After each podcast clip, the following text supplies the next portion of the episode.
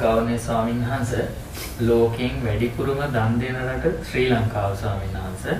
ඒත් ස්වාමීන් වහන්සේ දැන් කතාවක් තියෙනවා ස්වාමීන් වහන්සේ අපේ රට බංකොලොත් වීමට යනවා කියලා ස්වාමීන් මේසා දන් දෙන රට කෙසේ ස්වාමීන් වහන්සේ බංකොලොත් වීමට යන්නේ කියලා ධර්මානුකූලව පැහැදිලි කිව්වා. මේ මේ මාත්‍ය ඉතින් මේ මාත්‍යා දැන් කියන්නේ මේ රටේ තමයි වැඩියෙන්ම මිනිස්සු දන් දෙන්නේ කියලා. නමුත් මේ රටේ වැඩියෙන්ම මිනිස්සු දන් දුන්නත් මේ රට දැන් ඔබ කියනවා බංකොලොත් වෙන්න යනවා කියලා. තේරෙනවද?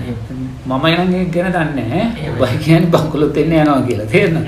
ඉතින් දරුවෝ එහෙම වෙනවා නම් ඒකෙන් අදහස් වෙන්නේ පුතේ මේ දානයේ ආනිසංශයන්ගේ තියෙනා වූ ශ්‍රේෂ්ඨභාවයමයි. තේරෙනවද? ඔන්න හරි තැන. ඔයද දානයේ ආනිසංශයන්ගේ තියෙනා වූ ශ්‍රේෂ්ඨභාවය. ආනිසංශයන්ගේ තියෙනා වූ ශ්‍රේෂ්ඨභාවයමයි. තේරෙනවද? දැන් බලන්නකෝ 1974 ඉස්සෙල්ලා කාලේ තේරෙනවද? අපේ රටේ මාත්‍යව අටපිරිකරක් කියන කාරණය කොයිසා දුර්ලභද කියලා. එහෙමයි. තේන්න ප්‍රනීත ආහාරයන් දෙදානය අතින් අපි කුඩාම් දුර්වල තැනක හිටියේ නේ ජනතාවගේ ආර්ථිකය මුඩක් පල්ලෙයයි මේ විවෘත ආර්ථිකය නැති නිසා අවශ්‍ය විසිතුරු දේවල් ප්‍රනීත දේවල් ජනතාවට ලැබුණේ නැහැ. තේන්න. නමුත් 1977 පස්සේ මේ ආර්ථිකය විවෘත වුණාට පස්සේ ඒකත් හේතුඵල ධර්මයන් නිසා විවෘත වෙන්නේ. මාත්‍රෝ විසිතුරු විසිතුරු ප්‍රනීත ප්‍රනීත දේවල් සමාජයට ගලාගෙන මිනිස්සයා විසිතුරු විසිතුරු ආකාන් ප්‍රනීත ප්‍රනීත ආකාරයෙන් දන් දෙන්න පූජාවන් පවත්වන්න පටන් ගත්තා. තේන්න. එතකොට මේ විසිතුරු විසිතුරු ආකාරයෙන් ප්‍රනීත ප්‍රනීත ආකාරයෙන් සියතින් මිනිස්සු ශ්‍රද්ධාවෙන් ගෞරවයෙන් දන් දෙද්දි මාත්‍යෝ මොකක්ද උනේ? පෙරලා නැවත නැවත ඒවැ විපාකයන් සමාජගත වෙන්න පටන්. පෙරලා නැවත නැවත ඒවැ විපාකයන් සමාජගත වුණා. තේන්න. ඒ නිසා මාත්‍යෝ අටපිරිකරක් නැති දානයක් කොතනකවත් තිබ්බේ. චීවර නැති දහස් ගණන් දසදහස් ගණන් ලක්ෂ ගණන් වියදම් කරන්න නැති දානයක් කොතනකවත් තිබ්බේ නැහැ. නැහැ. පින්කම් කළත් මාත්‍යෝ ලක්ෂ ගණන් කෝටි ගණන් වියදම් කරලායි පින්කම් කළේ. තේරෙනවද? ඉතින් ඒතකොට දැන් මොක ඒ පින් කරන්න කරන්න කරන්න කරන්න මාත්‍යෝ ඒ විපාකයන් තව තව වැඩි වුණා. තේන්න කුස පිනට අදාළ විපාකයන් වැඩි වුණා. තේන්න ඒ විපාකයන් වැඩි වුණ නිසා මාත්‍යෝ ජනතාවට ලැබෙන ආහාර පානවල ගුණාත් ප්‍රනීත භාවයන් වැඩි ජනතාව අඳින පළඳින ඇඳුම් වල තියෙන වටිනාකම් ඒවැයි තියෙනා වූ මෝස්තර රටාවන් ඒවැයි දවසින් දවස ගුණාත්මක භාවයට විසිතුරු භාවයට ප්‍රනීත භාවයට ජනතාව කන්නක් ආහාර තේරෙනවද හිතා ගන්න බැරි ආහාර රටාවන් සමාජය තුල ස්ථානගත වුණා. තේරෙනවද පුංචි ළමයෙකුට මේ සුපිරි වෙළඳසැලකට ගියාට පස්සේ මහත්වයාට ගන්නෙ මොකද්ද කියලා හිතාගන්න සෙල්ලම් බඩුවක් ගන්න ගියොත් ගන්නෙ මොකද්ද කියලා හිතාගන්න වාහනයක් ගන්න ගියොත් ගන්නෙ මොකද්ද කියලා හිතාගන්න බැහැ. තේන්න ඒ තරමටම මාත්‍යෝ සමාජයේ ප්‍රනීත භාවයෙන් සුපිරි භාවයෙන් විසිතුරු භාවයෙන් පිළිලා මොනවද මේ දානේ එහෙනම් දානේ ඵලය ගැන කතා කරද්දි මහත්තයෝ දුන්නා වූ දානයන්ගේ ඵලයන් ශ්‍රේෂ්ඨව අපිට ලැබිලා තියෙනවා. තියෙනවා. තේන්න. නමුත් මහත්තයෝ අපි දක්ෂ වුණේ නැහැ. ඒ දාණයෙන් ලැබෙන ඵලය මහත්තයෝ උතුම් ධර්මයක් බවට පත් කර අපි ඒ ඵලයේ ගින්දරක් බවටයි පත් කරගන්න. තේන්න. ඒ අපිට ලැබුණු ශාස්ත්‍රීක භාවයන් අපිට ලැබුණු විසිතුරු භාවයන් අපිට ලැබුණු ප්‍රනීත භාවයන් අපිට ලැබුණු ලස්සන දේවල් අපි හැම දෙයක් තුළින්ම මාත්‍යෝ ලෝභ දේශ මෝහයන්මයි වැඩි කර තේ ලෝභ දී බුදුරජාණන් වහන්සේ කියනවා කාය කර්ම වාචික කර්ම වලට වඩා මනෝ කර්ම. තේන්න? එහෙනම් මාත්‍යෝ අපි කොයිසා දන් දුන්නත් ඒ දානේ ආනිසස්ස පක්ෂේ නම් මාත්‍යෝ අකුරටම අපිට ලැබිලා ඒක ඒක තේරුම් ගන්න ඕනේ. අකුරට ලැබිලා තියෙනවා. ඒ අකුරට ලැබුණා වූ ඒ ආනිසංස පක්ෂයේ මාත්‍යෝ අපි කවුරුවත් මාත්‍යෝ නිවීම උදෙසා සප්ත බොජ්ජංගයන් උදෙසා උපයෝගී කරගත්තේ ඒවා කාමච්ඡන්දයන් උදෙසාමයි උපයෝග කරගත්තේ. තේරෙනවද? කාමච්ඡන්දයන් උදෙසාමයි උපයෝගී කරගත්තේ. ඒ නිසාම මාත්‍යෝ ලෝභ ද්වේෂ මෝහ අකුසල් දෝරේ ගලා ගිහිල්ලා තේරෙන්නේ අර දානේ ආනිසංසයන් සියල්ල යටපත් කරලා මාත්‍යෝ අද අපිට බරපතල අනතුරක් කරා අපිව අරගෙන ඇවිල්ලා තියෙනවා. තේන්න. බරපතල අනතුරක් කරා අපිව අරගෙන ඇවිල්ලා.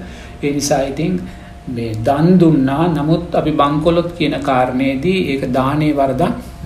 සංඝයාගේ වරදකුත් නෙමෙයි. ධර්මයේ වරදකුත් නෙමෙයි.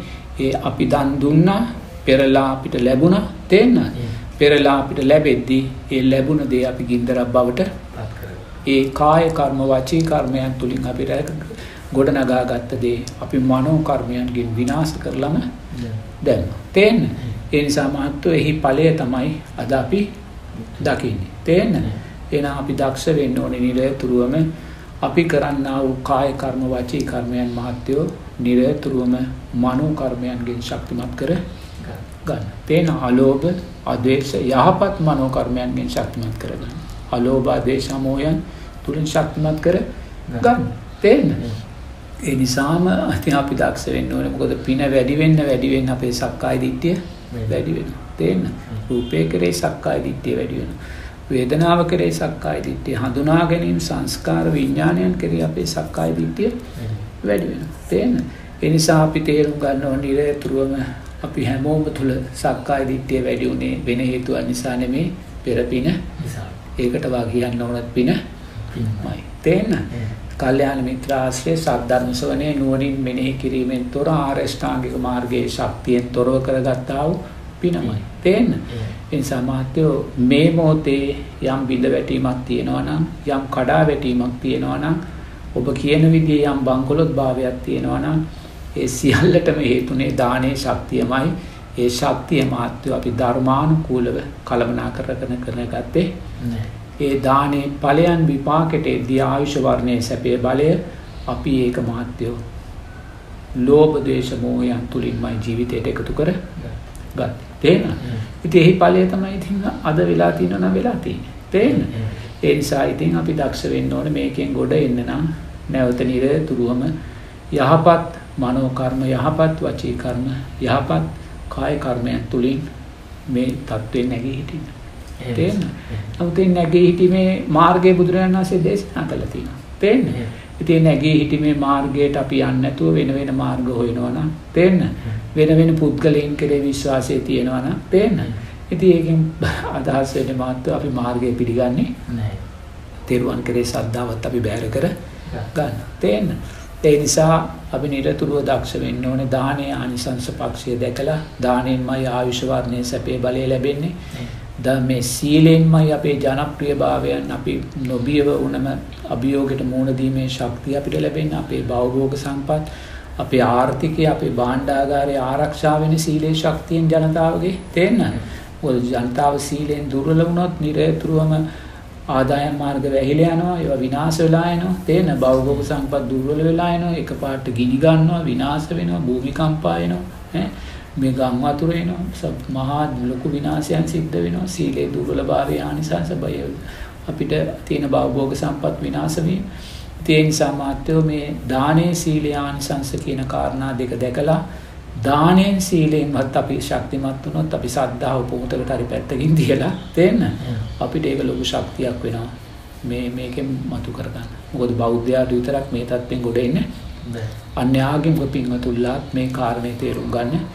එසා අන්‍යාගමික පින්වතුන්ලාට නැගී හිටින්න වෙන්නේ සීලේනුයි මෛත්‍රියනුයි දානයන්මයි. තේන්න?